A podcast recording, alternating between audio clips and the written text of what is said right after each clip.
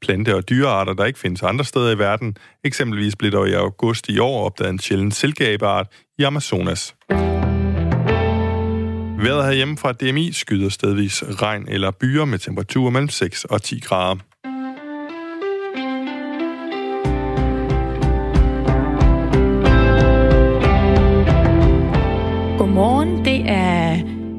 Klokken er 5 over syv, er det, jeg vil sige. Og det er Dan Grønbæk og Stine Krohmann Ravsted, der er i studiet efter en sen aften for nogle af os, hvor nogen var oppe og se fodboldkamp. Der er en øh, vis anden vært på det format, der hedder Jacob Grosen, som i hvert fald har udnyttet, at han ikke skulle op og sende morgen i dag, fordi han har, været og se, han har siddet og set fjernsyn i går. Han siger, at det eneste positive, der er at sige om den kamp, det er, at vi nu er kvalificeret til EM, skriver han blandt andet sin sms. Så det var meget, hjælp, meget godt. Jeg hører lige om, hører fra Jacob her, jeg ikke behøvede at sidde op i går og kigge. Send os en sms, hvis du har nogle erfaringer øh, fra kampen i går. Vi vil gerne høre, hvordan så du den? Var du på stadion i Irland? Vil vi ekstra gerne høre fra dig. Øh, send en sms ind på 1424. Så skal vi lige høre sådan her. Det her det er lyden af en sal. Nu skal 40 gråsaler skydes, fordi de generer fiskerne på Bornholm. Problemet er bare, at der er over 40.000 gråsaler i Østersøen. Hvad er det nye initiativ, der skal hjælpe på? Det spørger vi øh, Miljøministeren om lidt senere. Og så kommer Venstres udenrigsordfører Michael As Åstrup Jensen også i studiet til en snak om de her masseindspæringer af muslimske kinesere, som vi altså var inde omkring med Amnesty International kort før nyhederne her klokken 7. Vi øh, lytter med øh, på ham, vi snakker med ham, og du kan lytte med klokken 10 minutter i 8. Stram kurs skal ikke have lov til at holde deres partikongres i landstingssalen i Folketinget. Det skriver du, øh, Nasser Carter, der er medlem af Folketinget for de konservative, i et opslag på Facebook. Godmorgen. Skal vi se, om vi har Nasser Carter igennem? Godmorgen. Godmorgen.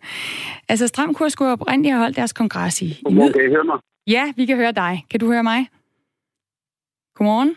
Det er godt. Ja, det er Jeg kan godt. godt høre, der, der, jeg tror simpelthen, der er så meget forsinkelse på, at vi er nødt til lige at øh, prøve at se, om vi ikke lige kan få ringet øh, Nasser Carter op på en anden måde, så vi faktisk kan snakke sammen. For ellers så kommer det simpelthen til at være en øh, underlig samtale. Jamen, ja, ja. Ved du hvad, vi, øh, vi prøver lige at ringe igen lidt senere, Nasser Jeg er i Mellemøsten, jeg tror, den er... Ja. Ja. ja. Det er godt. Vi øh, hopper lige i stedet for til andet. Det er altså sagen om, øh, om, som Henrik Dam Christensen i går har været ude at kommentere på Folketingets formand, fordi Nasser Carter han har altså rejst en øh, kritik af, at Stram Kurs kunne få lov til at holde deres partikongres inde på Christiansborg. Det er altså som sagt Henrik Dam Christensen, Folketingets formand for Socialdemokratiet, der har givet lov til det. Øh, med følgende citater i en pressemeddelelse siger han blandt andet, for mig er det et spørgsmål om afgørende principper for folkestyret. Vores demokrati er udfordret, når politiet ikke kan garantere, at opstillingsberettiget parti kan holde deres årsmøde uden at blive troet eller forstyrret. Det er jo fordi Stram Kurs har forsøgt at holde et årsmøde flere gange, men hvor øh, flere steder i landet, hvor politiet simpelthen har aflyst det, fordi man ikke kunne garantere sikkerheden. Vi vender øh, forhåbentligvis tilbage til øh, Nasser Le Carter lidt senere og lige drøfter, hvad han egentlig mener om øh, den beslutning. Hvad siger du til en omgang øh, amerikanerbiler i stedet for, Stine? Det øh, synes jeg altid lyder godt. Det her det er altså lyden af en amerikanerbil, der starter, og øh, den siger, øh, den ny, kommer frem fra fremtiden ikke til at sige en lyd, fordi det her det er lyden af den ikonisk brølende Mustang. Den har fået en øh, sær stille snegl af en fætter fra nu af. Det særlige ved den her Mustang er altså, at den har kæmpe store fanskare over hele verden, og deciderede fanklubber i alle lande, også Danmark. Den her nye version, det er en el-version. Den siger ikke en døjt, og det tager de ikke særlig godt mod i de her fanklubber. Vores reporter Kasper Harbo, han har besøgt et af de her Mustang-medlemmer, og så hans bil.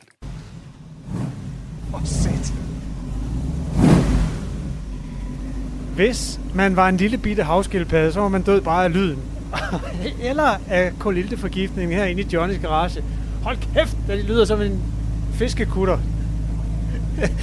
Ja, det er en øh, amerikansk V8. Skal jeg love for. Prøv lige, prøv lige at slukke den, Johnny. Den er rød. Hvilken årgang er det? Det er en årgang 65. Du bor ellers i en pæn villa. Du ligner en, der godt kunne have råd til en nyere bil. Jamen, øh, det, er, det, det kunne jeg også godt. Øh, det har jeg også. Øh, men men øh, jeg har jo altid ønsket at køre veteranbil, og gerne en amerikansk Mustang V8. Hvor meget af din kærlighed er bundet op på den lyd der? Ah, det er det meste. Det, det, er, øh, det er jo det ypperste. Prøv lige at tænde den igen, og så øh, hopper jeg ind i bilen ved siden af dig. Jamen, det er jo vanvittigt, det her. Jeg glæder mig lidt til at høre døren. Lyden af døren, der lukker. Åh, man skal have fat der. Der er en lille hest nede på øh, dørmåtten der, eller fodmåtten. Det går jeg ud fra er originale måtter. Det er, øh, ah, det er tilkøb, men, men det, er, det symboliserer det originale, ja. Hvor, hvor meget vejer døren der? Jeg synes, den faldt lidt tungt. ja, ja, det er amerikansk stål. Ja, den, den er tung. Mens Johnny bakker, er der ikke nogen sikkerhedsseler? Jo, jo, de sidder her. Det er hofteseler. Hvordan fænger med det? Ja. Nå, den skal bare ind over der. Ja, okay.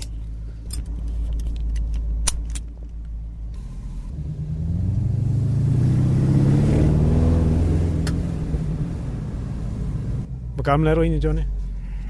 Jeg er på den rigtige side af 50. 54. Altså, nu snakker jeg ham Johnny indeni. Når du kører rundt i den her, hvor gammel er du så? 17. det må man heldigvis godt være. Hvornår tabte du dit hjerte til Mustang? Jamen, øh, jeg tror altid, jeg har haft det. Øhm, det har bare- bare været et spørgsmål om at finde tidspunkter, hvor der var råd til det også. Og øh, da pengene var til den her, jamen, øh, så, måtte jeg, så måtte jeg have sådan en. Må jeg spørge, hvad den koster? Seks cifret øh, gang to. Så øh, omkring et par hundredtusind, så kan du godt finde dig et, et godt eksemplar. Altså, Johnny, den gode nyhed er jo, at du behøver ikke køre rundt i det her gamle skidt mere. Der er kommet en eldrevet. Har du set det? Ja, øh, jeg har hørt, at Ford har lavet en elbil, ja. Men Mustang, det er det ikke. Altså, øhm, nu kører du bil, så jeg kan ikke lige vise dig billedet af den, men det er jo en SUV. Det er jo, den er jo øh, meget let på tog, den er øh, eldrevet, den er klimavenlig, og øh, ikke afsindig meget dyrere end den her fra 1965. Hvad er din største anke mod den nye?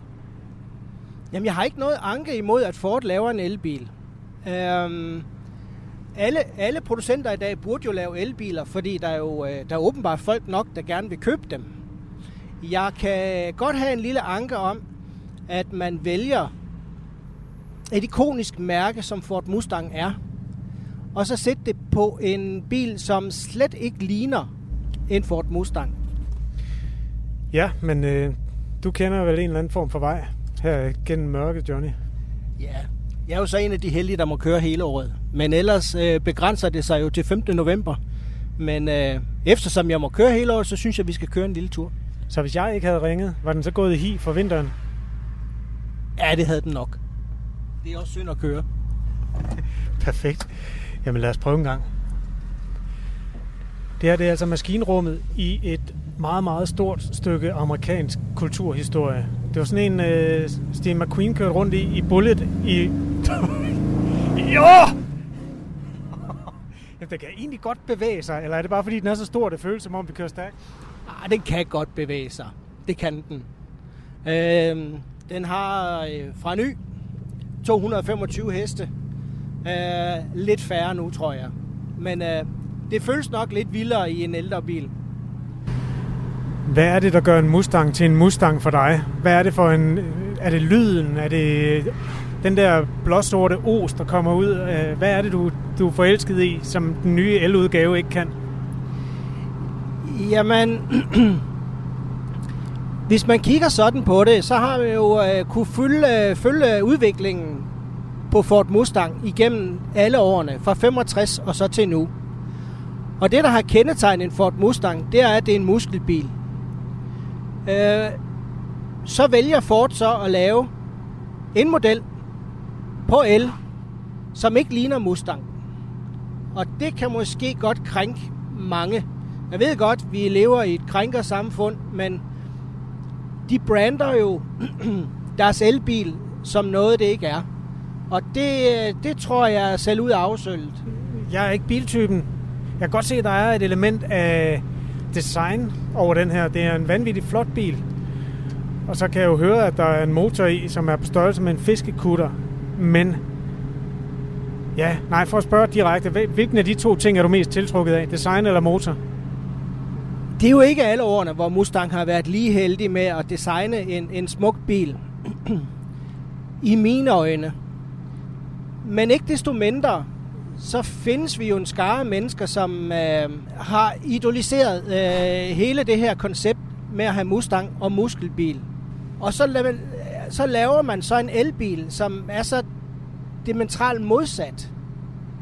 Øh, og så kalder det en Mustang. Det, det kan godt pikere mig lidt. Har du nogen overblik over, hvor vi er på vej hen øh, lige nu? Ved du hvad? Det er ikke, hvor er vi på vej hen. Det er kørsel uden et formål, og det er nok det, de fleste Mustang-ejere i dag gør. Det er kørsel uden formål. Der er flere, der giver os det lange lys undervejs. Hvad tror du, de har gang i? Um, det er justering af mine forlygter. jeg er ikke vant til at køre om aftenen. Nej, det var også gået i vinter i den bil her jo. ja, den var jo sådan set på vej til at blive, uh, blive puttet. Når I mødes, altså du er med i uh, Mustang-klubben her i Danmark, hvor en del 17-årige drenge som dig kører rundt i jeres uh, endnu ældre, ældre, biler. Diskuterer I nogensinde uh, klimakrisen? Mm, ja.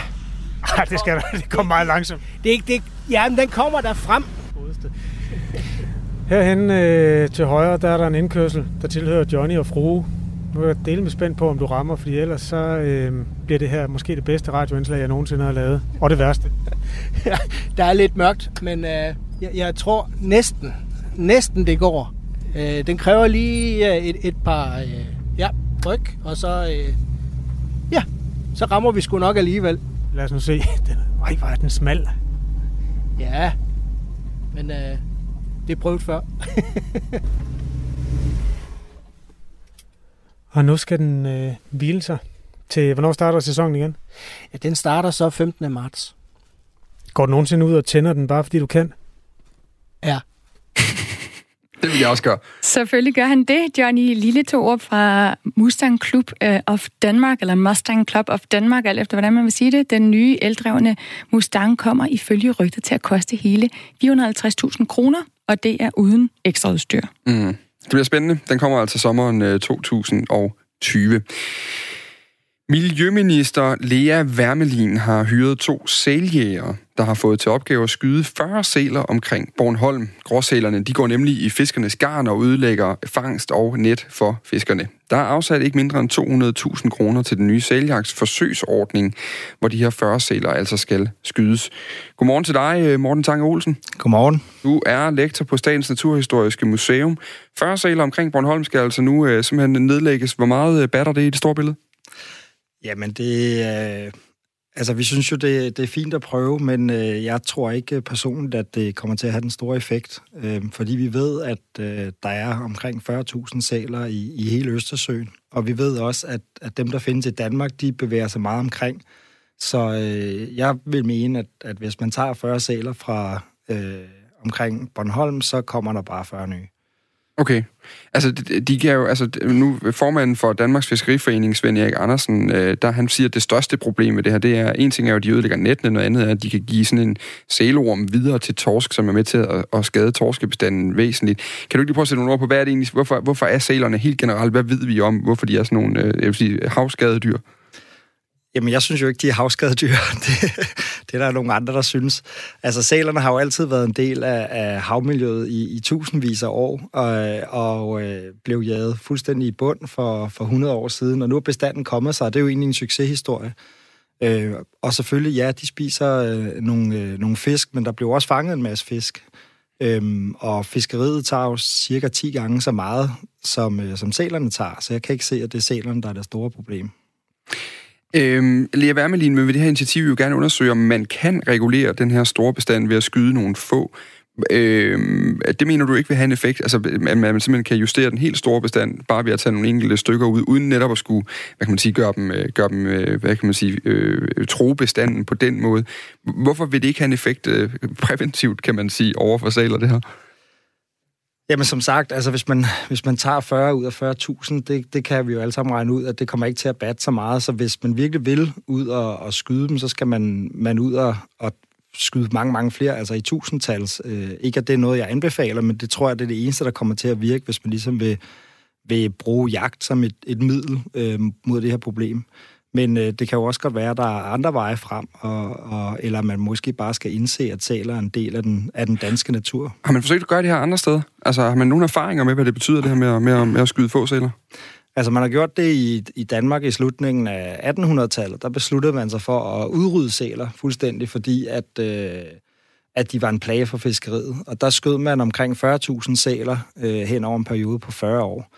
Øh, og selv øh, 10-20 år inde i den forsøgsordning var der stadigvæk problemer med, at sælerne gik i, i garn. Så, øh, så ja, man har prøvet det, men, men, øh, men øh, det krævede virkelig, virkelig en stor indsats for at få, få bugt med problemet, så at sige.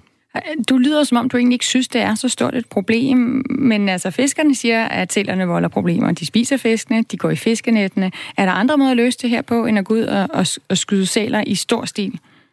Jamen jeg, altså jeg anerkender bestemt, at der, der er et problem, øh, og især omkring Bornholm, hvor gråsælerne øh, forvolder store skader og også tager fisk.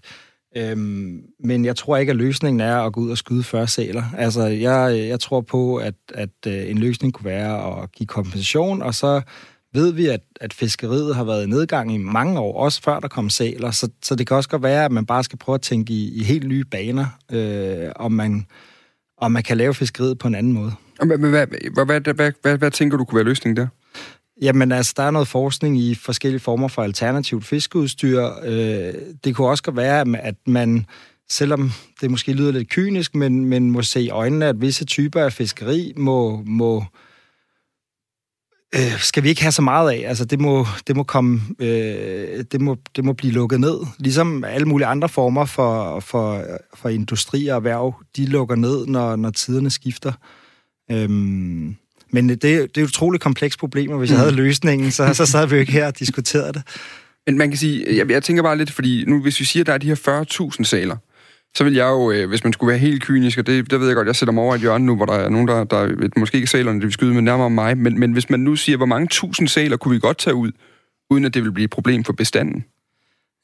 Øh, jamen, så sætter jeg mig også over i det hjørne, så vil jeg sige, at øh, altså, vi, man kunne formentlig sagtens tage 10.000 eller 20.000, uden det vil være det store problem. Uden at det vil blive sådan en frednings... Øh, ja, altså, ja. nej, i, i, de vil jo forsvinde fra Danmark. Okay. Øh, det, der, det Østersøbestanden er jo sådan en, en, en den, den deler vi med Finland og med Sverige og med Tyskland og Polen og Estland.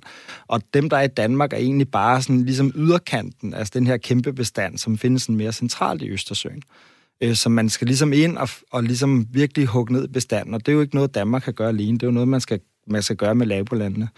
Øh, og Men det, ville det, det være noget problem, at man huggede ned i bestanden, sådan, så de forsvandt fra øh, de, de steder, hvor de danske fiskere øh, jamen, har brug for fiske?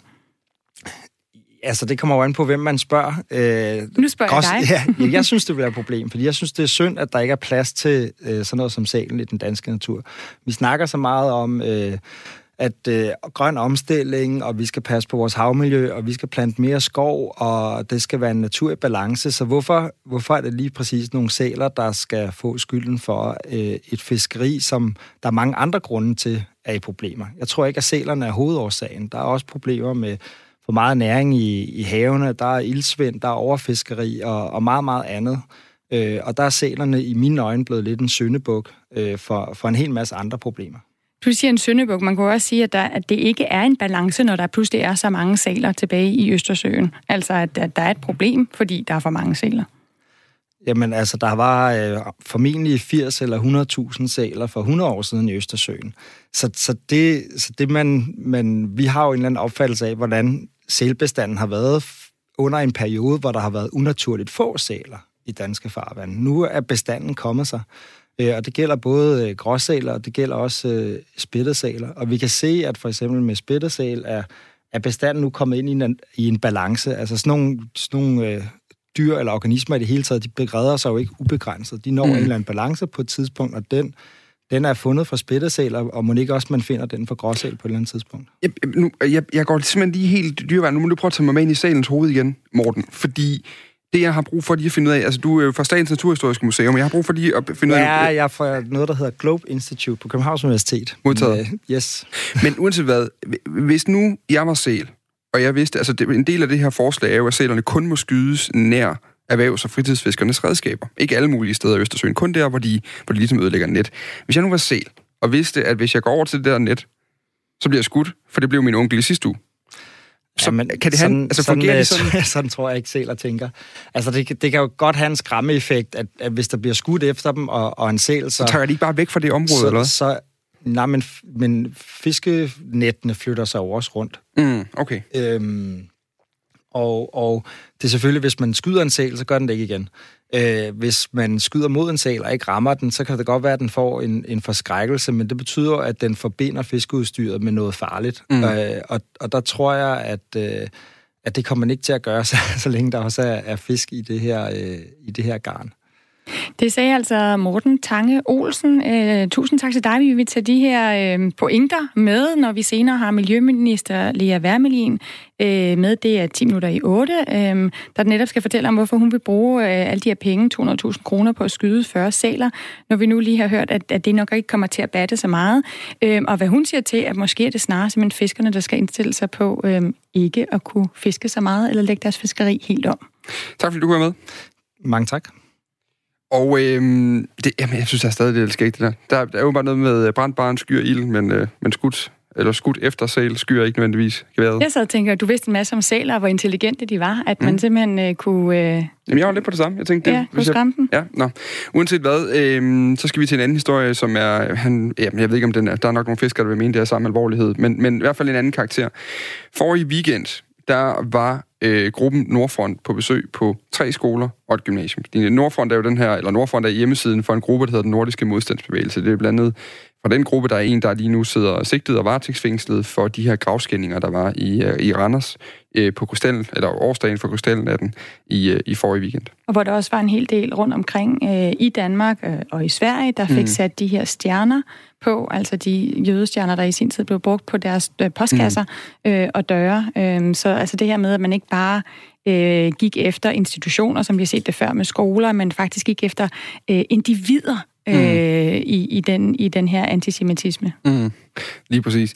Det var altså som sagt øh, årsdag, eller årsdagen for krystalnatten i Nazi-Tyskland i 1938, det skete på, og, og i samme weekend, der var der altså øh, som sagt så nogen fra den her gruppe, som var ude og ligesom øh, propagandere på øh, to skoler og et gymnasium. En af skolernes skoleinspektør siger til Berlingske Tiden i dag, jeg må sige, at det er helt hen i vejret, de dukker op her. Vi er en skole fra 0, vi er en skole fra 0. til 6. klasse.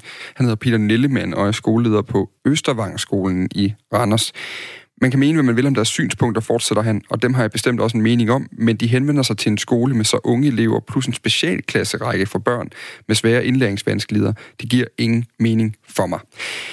Øhm, de laver altså, det er jo, man, Information lavede en ret øh, fremragende optegning, man kan se ind på den hjemmeside, der Nordfront.dk, der, der ligger de, de kalder det kamprapporter. Det er et eller andet sted øh, kampresumerer, når de er ude at lave en aktion, og en aktion kan være at hænge et klistermærke op på en lygtepæl et eller andet sted langt ude på landet, og så håbe på, at nogen ser den.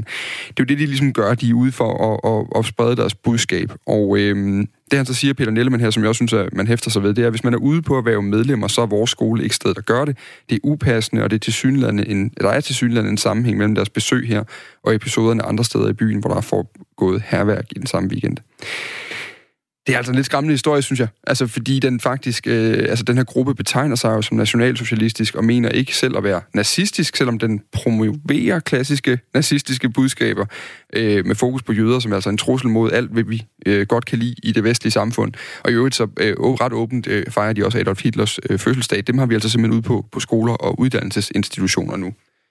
Og vi skal lige sige, at tilslutningen til gruppen øh, her, den er altså efter alt at dømme øh, beskeden. Mm. Øh, og det er jo så det er sikkert også derfor, at de simpelthen er ude og prøve at se, om de kan øh, rekruttere på øh, danske mm. øh, folkeskoler. Ifølge Tina Vilchen Christensen, der er antropolog ved Aarhus Universitet og, og forsker i ekstremisme, øh, der har den nordiske modstandsbevægelse i Sverige 281 medlemmer, mens antallet er væsentligt lavere i den danske afdeling. Ja, og det er altså en bevægelse, der blev stiftet i Sverige i 97 af, af tidligere medlemmer øh, af det nynazistiske øh, netværk, der hedder Hvidarisk Modstand. Øh, da det opstod øh, første gang i Danmark i 2013 under den nordiske modstandsbevægelse, så lukkede det igen, og så var det altså først i slutningen af 17, at de ligesom kom op, og nu har de det, de kalder redder flere steder, som et eller andet sted er er, jeg vil sige, nationalsocialistisk slang for øh, lokale regioner, mere eller mindre. Øh, det er altså som sagt også fra den her bevægelse, at der lige nu sidder i hvert fald en mand øh, sigtet. Han hedder Jakob Udum Andersen, er reddechef i, øh, i Nordjylland, og, øh, og sidder altså lige nu øh, varetægtsfængslet øh, for øh, både gravskændingerne i, i Randers, men altså også øh, at have kastet maling efter en, øh, en bygning i Randers, hvor der er to øh, Davids-stjerner på. Der var også en anden skole, som blev berørt af det her i sidste weekend. Det er Filstedvejens skole i, øh, i Aalborg, og, jeg, og der siger skoleinspektøren deroppe fra, jeg synes, at det er horribelt, at man møder op på skoler på den her måde. Han hedder Peter Rasmussen, skolelederen, Og så siger han, det er godt, at vi i stedet har historieundervisning, så eleverne får den nødvendige viden på området. Det er den eneste vej frem, når man står over for den slags budskaber. Og vi kan da lige spørge, om der er nogle skoleelever, nogle forældre, der har været ude for at modtage de her pjæser, der har været ude for at, møde øh, nogen fra de her bevægelser, der gerne vil have dem i tale. Øh, send en sms til 1424, skriv R4 mellemrum, og så dit besked. Øh, har du øh, oplevet, at din skole simpelthen er blevet er målrettet af de her grupper for at, at dele pjæser ud øh, med de her øh, nazistiske øh, holdninger? Øh, skriv en sms til 1424, R4 og så mellemrum. Nu skal vi have en omgang nyheder med øh, Per Koldstrup Winkel, og den her gang der er klokken øh, halv otte. Det betyder, at jeg lige sætter lyden på dig for, for dig, hvis det er okay, Peter. Tak for det.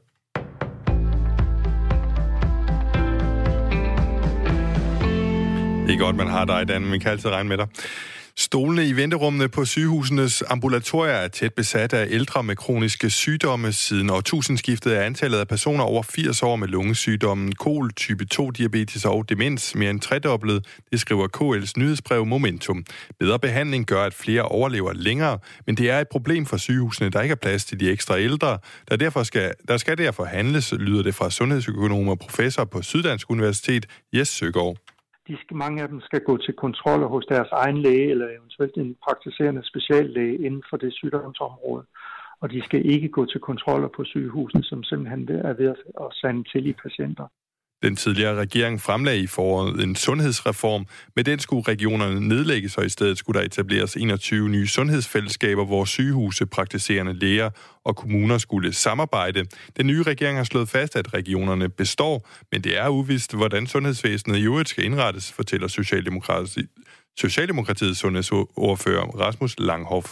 Så det er et stort stykke arbejde, der venter foran os, og som øh, vi øh, vi øh, vil indgå i dialog med Folketingets partier, men selvfølgelig også med kommuner, regioner, praktiserende læger og alle andre, der arbejder med det her. Så det er en, øh, det er en, det er en opgave, hvor, vi, hvor er tid er en faktor, men det er også vigtigt, at det bliver ordentligt, det stykke arbejde, der bliver lavet. Han kan ikke oplyse, hvornår regeringen er klar med sit udspil, men noget vil bygge videre på den plan, som den tidligere regering fremlagde. En eksplosion i en kulmine i det nordlige Kina har kostet 15 personer livet. Det skriver det statslige nyhedsbureau Xinhua tirsdag. Ni andre personer kom til skade i ulykken, der skete mandag i Shaanxi-provinsen. Deres tilstand er ifølge nyhedsbureauet stabil. Nye, øh, nye skovbrænde indhyldede den australske storby Sydney i tyk røg mandag aften og tirsdag morgen lokal tid. Stærke vinde sendte tyk røg fra over 60 nærliggende brænde ind over Australiens største by. Her blev, de, her blev blandt andet de ikoniske bygningsværker Operahuset og Harbour Bridge svære at se. Delstaten New South Wales Sundhedsministerium har udsendt en advarsel og råder borgere til at holde sig indendørs. Jemenistiske Houthi-oprør har beslaglagt to sydkoreanske skibe. To personer fra Sydkorea skulle være ombord på et af skibene, oplyser en embedsmand fra det sydkoreanske udenrigsministerium natten til tirsdag. De tre skibe skulle være beslaglagt i den sydlige del af det Røde Hav. Den saudisk ledede koalition, der kæmper mod Houthi-oprørerne, udtalte mandag, at oprørerne havde beslaglagt et skib, der var i gang med at buksere en sydkoreansk boreplatform i den sydlige del af det Røde Hav. Burger King i USA er blevet sagsøgt for at stege kødfrie bøffer på samme grill som de normale bøffer. Bag søgsmålet i Miami står en veganer ved navn Philip Williams, der siger, at han har købt en Impossible Whopper Burgers King, Burger Kings kødfri burger ved en drive-in i byen Atlanta. Det skriver nyhedsbureauet Reuters. Williams mener, at flere Burger King-restauranter ikke tydeligt nok varedeklarerer, at de kødfrie bøffer bliver stegt på samme grill som de normale bøffer. Burger King vil ikke udtale sig om en specifikke sag. Fastfood-kæden skriver på sin hjemmeside, at man kan bede om at få den kødfrie bøf stegt separat. Burger King beskriver også burgeren som 100% Whopper, 0% kød. Selskabet Impossible Foods, der står bag den kødfrie bøf, som Burger King bruger, siger, at bøffen er lavet til personer, der gerne vil indtage mindre animalsk protein, ikke til veganere. For dem, der er veganere, er der en mikrobølgeovnstegning, som de er velkommen til at bede om, har salgschef hos Impossible Foods, Dana Worth, tidligere sagt ifølge Reuters. Vejret fra DMI skyder og stedvis regn eller byer med temperaturer mellem 6 og 10 grader, lidt til frisk vind mellem syd og vest, som i løbet af dagen langsomt aftager. Den og Stine, fodbold, det kan jo få folk til at gøre de mest tossede ting. Det så vi mange eksempler på i går. Ja. Ja, og øh, nu vil jeg lægge den over til Stine og anmelde fodboldkommentator Peter Pils evne til at synge. Det er jo normal kommentering, han giver den ud. I får den lige her. Wonderful, wonderful Copenhagen. Ah, men altså, jeg synes, jeg synes, i sådan her situation, der skal man jo ikke øh, tænke på, om han synger men... falsk eller rent eller hvad. Det her, det handler om, hvor meget engagement, hvor meget følelse er der i, og for den, der får han da, der er vi det tæt på en tiger. Og vi skal faktisk blive ved det med EM i fodbold. Det kommer til at handle om, om det de næste 5-6 minutter, men vi har jo dig med på en linje, Asger Hedegaard Bøje. Kan du høre mig? Ja, det kan jeg. Du hørte jo også lige Peter Pils sang her nu. Hvad tænker du? Jamen, jeg synes, det var smukt. Øh, jeg synes, øh, jeg synes ja, lige præcis, det handlede nok ikke så meget om, om det var, om det var falsk eller ikke falsk, men det, det, det virkede ret ægte. Ja, ja. Han får, han får point for den, den gode Peter Pil. Vi skal tale med dig. Du er journalist på Weekendavisen og forfatter blandt andet til bogen øh, Spillets Forvandling, som handler om øh, europæisk fodbold over de sidste 30 år, som altså udkom i fredags. Øhm, Danmark er jo klar til mændenes EM i fodbold næste år efter den her øh, 1-1-kamp mod Irland i går. Øh, men det var kun første skridt på vejen. På fredag der står landsholdet og resten af Danmark ligesom over for endnu et afgørende slag. Det er, når der bliver trukket lod om, hvor Danmarks vigtige puljekamp mod Rusland skal spilles. Hvorfor er det så specielt, at der skal trækkes lod om hjemmebanefordelen til en enkelt puljekamp, Asger Hedegaard Bøje? Jamen det er det jo, fordi øh, normalt så plejer øh, øh EM og VM-slutrunder at blive afholdt i et land, måske, øh, måske to lande, sådan har det været indimellem. Men, øh, men næste sommer øh, skal, skal EM-slutrunden afholdes i 12 øh, forskellige byer, 12 forskellige lande øh, i, i Europa. Øh, og den gruppe, som Danmark havner i, øh, der, skal, der skal puljekampen spilles i henholdsvis København og St. Petersborg.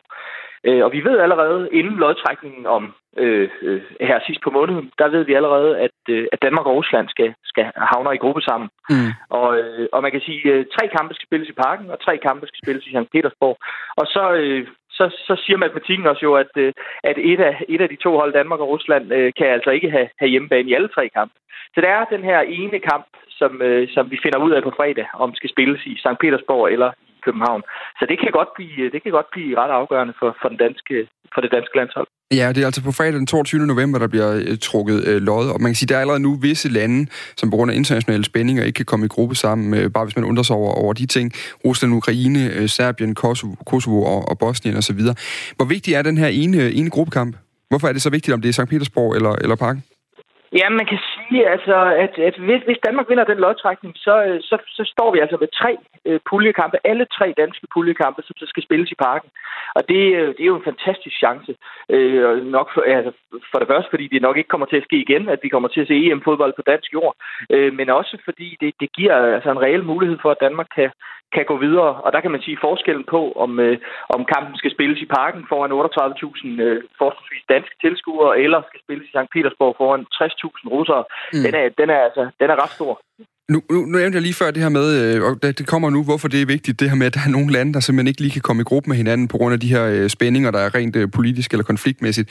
Når man nærlæser bestemmelserne om em så kan jeg jo se, at der er netop taget hensyn til nogle af de her lande her, som, som har lidt, lidt, lidt kur på tråden. Hvordan, hvordan hænger det sammen? Jamen, det hænger sammen på den måde, at man fra UEFA's side simpelthen har taget det, truffet valg og sagt, at de, de, de sådan store politiske spændinger i Europa lige nu er, er så voldsomme nogle steder. Øh, for eksempel Rusland, øh, mellem Rusland og Ukraine, men også på Balkan mellem lande som, som Kosovo, Bosnien og Serbien, hvis øh, de skulle kvalificere sig nogle af dem. At man så har sagt, at de kan simpelthen ikke havne i gruppe sammen. Og jeg tror, man har gjort det, fordi, at netop fordi slutrunden afholdes i så mange forskellige lande. Og lad os sige, at, at, at Ukraine trak russerne, så skulle de jo så spille i Moskva. Øh, og, og det vil øh, det vil nok øh, det vil nok ikke øh, ende så godt. Øh, så, så man har simpelthen valgt øh, at, at, at se, se stort på, kan man sige, det her, det her mantra om, at sport og politik ikke skal, skal blandes sammen. For mm. det er jo det, man gør, kan man mm. sige, øh, ved at gøre det her. Men, men, øh, men fra UEFA's side har man, har man har simpelthen vurderet, at, at, at det, har været, det har været vigtigt at, at gøre, og det har været afgørende. Man har simpelthen byråkratiseret en slutrunde øh, rigtig, rigtig, rigtig langt ud nu. Du er jo øh, fodboldelsker og fodboldmand og fodboldskribent og fodboldforfatter og alt muligt andet. Hvordan har du det med, at øh, det er blevet noget skrivebords hejs, det her? Jamen, jeg, jeg synes ikke om det. Altså, jeg, jeg har det sådan grundlæggende sådan, at, at jeg synes, man skal kunne, øh, kunne forklare en, øh, en turneringsstruktur for, for, øh, for et barn på, på, på seks år, eller, på øh, eller for, for, for en, der slet ikke interesserer sig for fodbold. Altså, det skal være noget med, øh, det skal, der skal være en enkelhed i det, synes jeg. Jeg synes, det her nu, hvor en ting er, at der, der er lande, der ikke kan møde hinanden, men, men, men noget andet er det, den her kvalifikationsturnering, som man kan sige, øh, nu Danmark kvalificerede sig i går, og Irland ryger ikke helt ud. Irland har stadig en mulighed til marts øh, det, der hedder Nations League Playoff. Øh, så, så altså, man kan sige, at det, det er så kompliceret efterhånden, at det det, er, det er meget, meget svært at finde ud af. Og jeg synes, jeg synes det tager en lille smule af magien øh, ud, af, ud af kvalifikationsturneringen. Aske Bøje, nu har du forklaret det her med, hvem der må møde og ikke møde hinanden, og vi skal tage hensyn til, til de politiske konflikter, der er rundt omkring mm. i verden. Vi har fået et spørgsmål øh, om, hvem der overhovedet må være med her fra en lytter. Øh, der er en, der spørger, er der nogen, der kan forklare mig, hvordan øh, Tyrkiet og Israel kan høre til i det europæiske mesterskab i fodbold? Det, det er også et meget godt spørgsmål. Øh, altså, tyrkerne først, øh, det, det, det kan man sige, det, det giver lidt sig selv, fordi Tyrkiet har egentlig i fodboldmæssig forstand været en del af Europa i rigtig mange år. Øh, I over 50 år har, har det tyrkiske fodboldforbund været medlem af, af det europæiske fodboldforbund UEFA. Så, så de hører ligesom hjemme i, i Europa. Øh, Israel er lidt anderledes, øh, for det, det, de har også i, i lang tid øh, spillet med europæerne, men, men det handler mere om, at, at nabolandene i Mellemøsten ikke har lyst til at spille med, med Israel.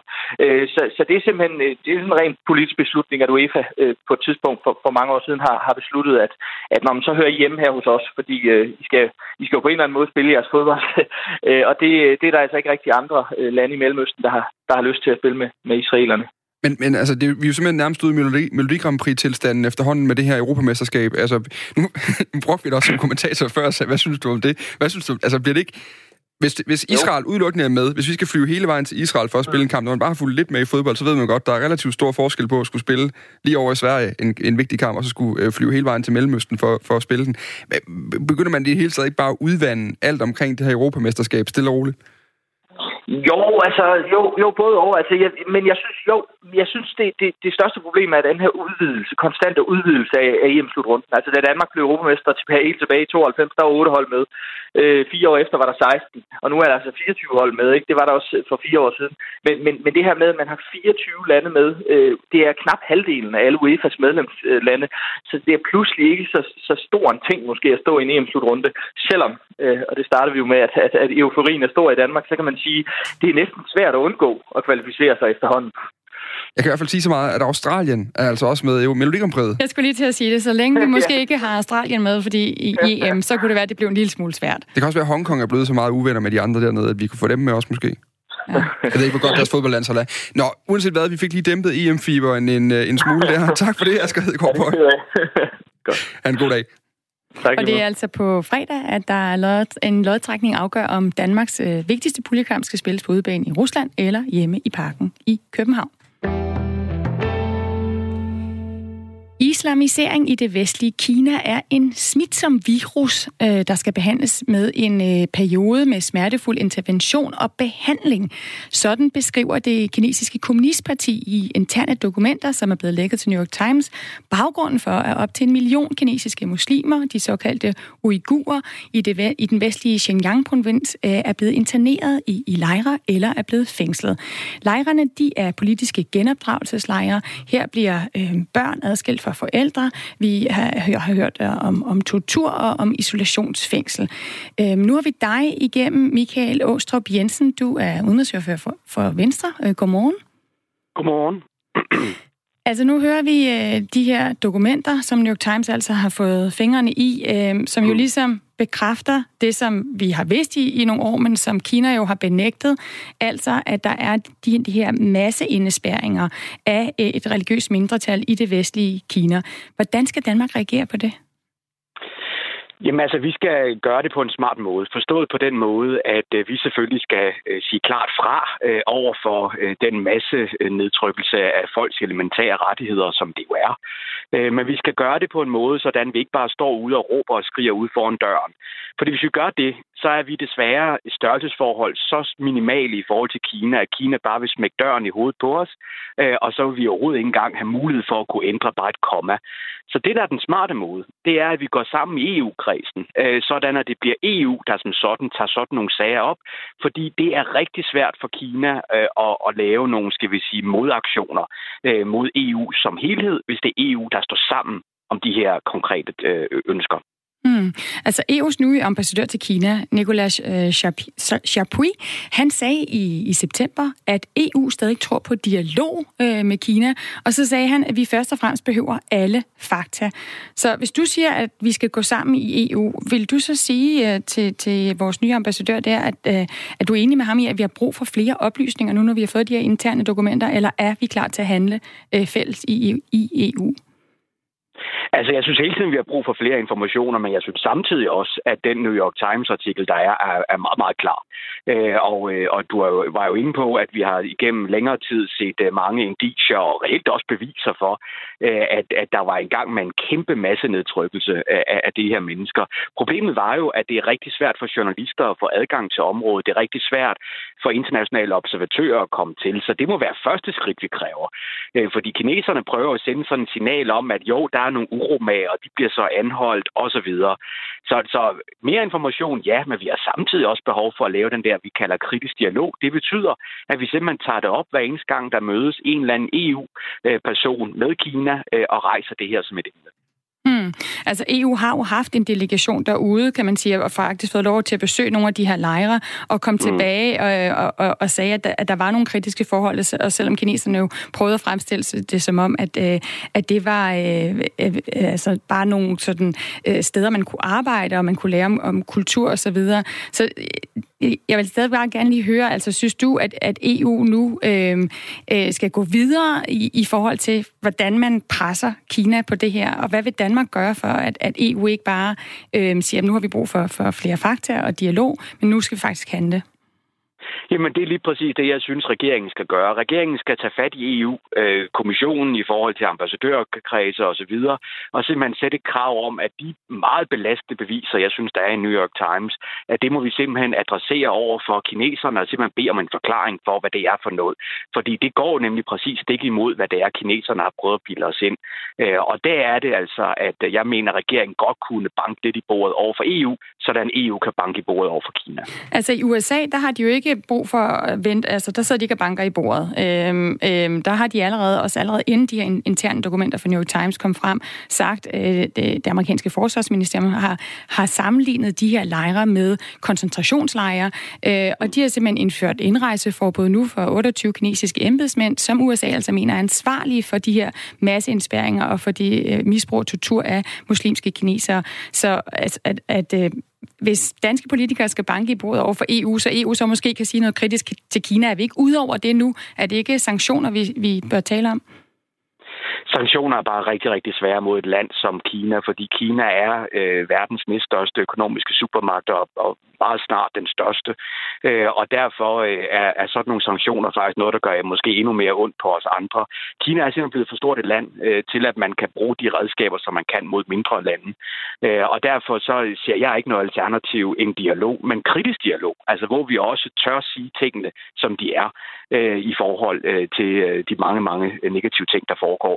Øh, men, men sanktioner som sådan, der kan, kan vi starte noget, der minder om sådan en handelskrig, som der er mellem øh, Kina og USA, og, og der er der ingen vinder. Tværtimod, der vil det være rigtig, rigtig øh, øh negativt, øh, men, der kommer men, ud af det. Men nu siger du, der er ikke nogen vinder der. Altså, der vil, vi, vi vil i hvert fald ikke vinde på det, for vi vil tabe nogle penge i forhold til handel med Kina, fordi Kina er så store. Men, men der er vel... Øh, det eneste, der er helt sikkert her, det er, at hvis der ikke sker mere, så de eneste, der i hvert fald ikke vinder, det er uigurerne.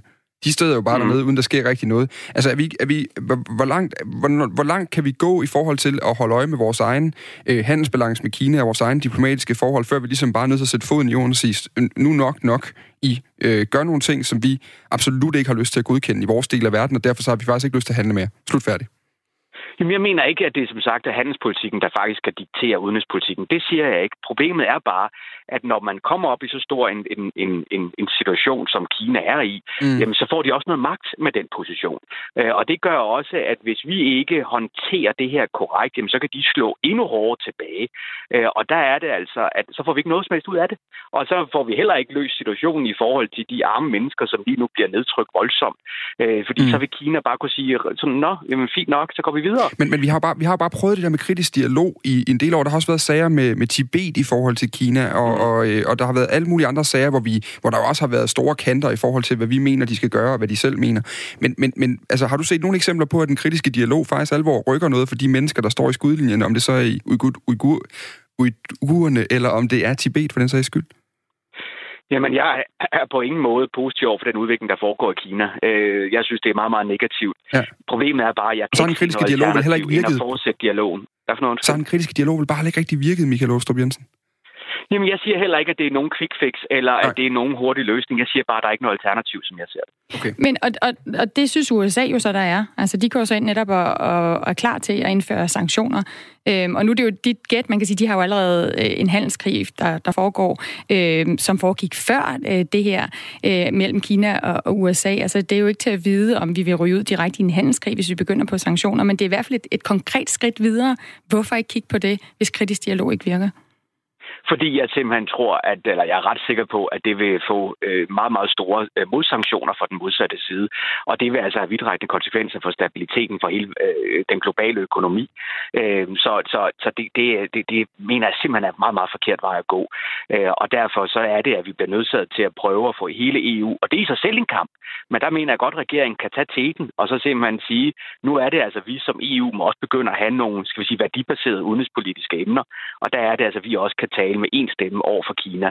Det kræver fodarbejde og alt muligt andet, men jeg mener også, det kan lade sig gøre, og det er altså desværre den eneste vej frem i forhold til verdens næststørste supermagt.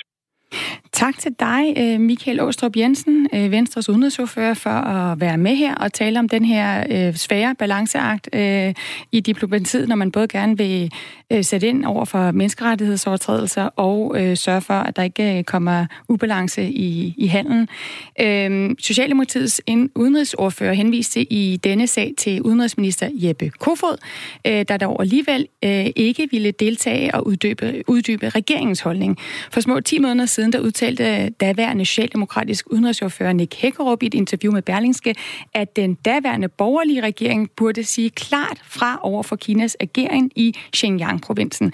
Øh, den klare afstandtagen, den har vi altså så ikke kunne høre fra øh, partiet i dag, som jo altså nu selv er i regeringen.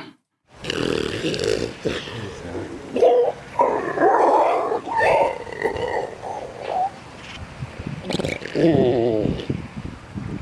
Det kunne godt lyde som min halvandenårige søn, men det der det er faktisk en sæl, der øh, siger noget. Nu skal 40 gråsæler, som den vi lige har hørt, øh, skydes, fordi de generer fiskerne på Bornholm. Problemet er bare, der er over 40.000 sæler i Østersøen, og vi har lige talt med en lektor, som fortalte os, at det faktisk ikke rigtig øh, betyder noget.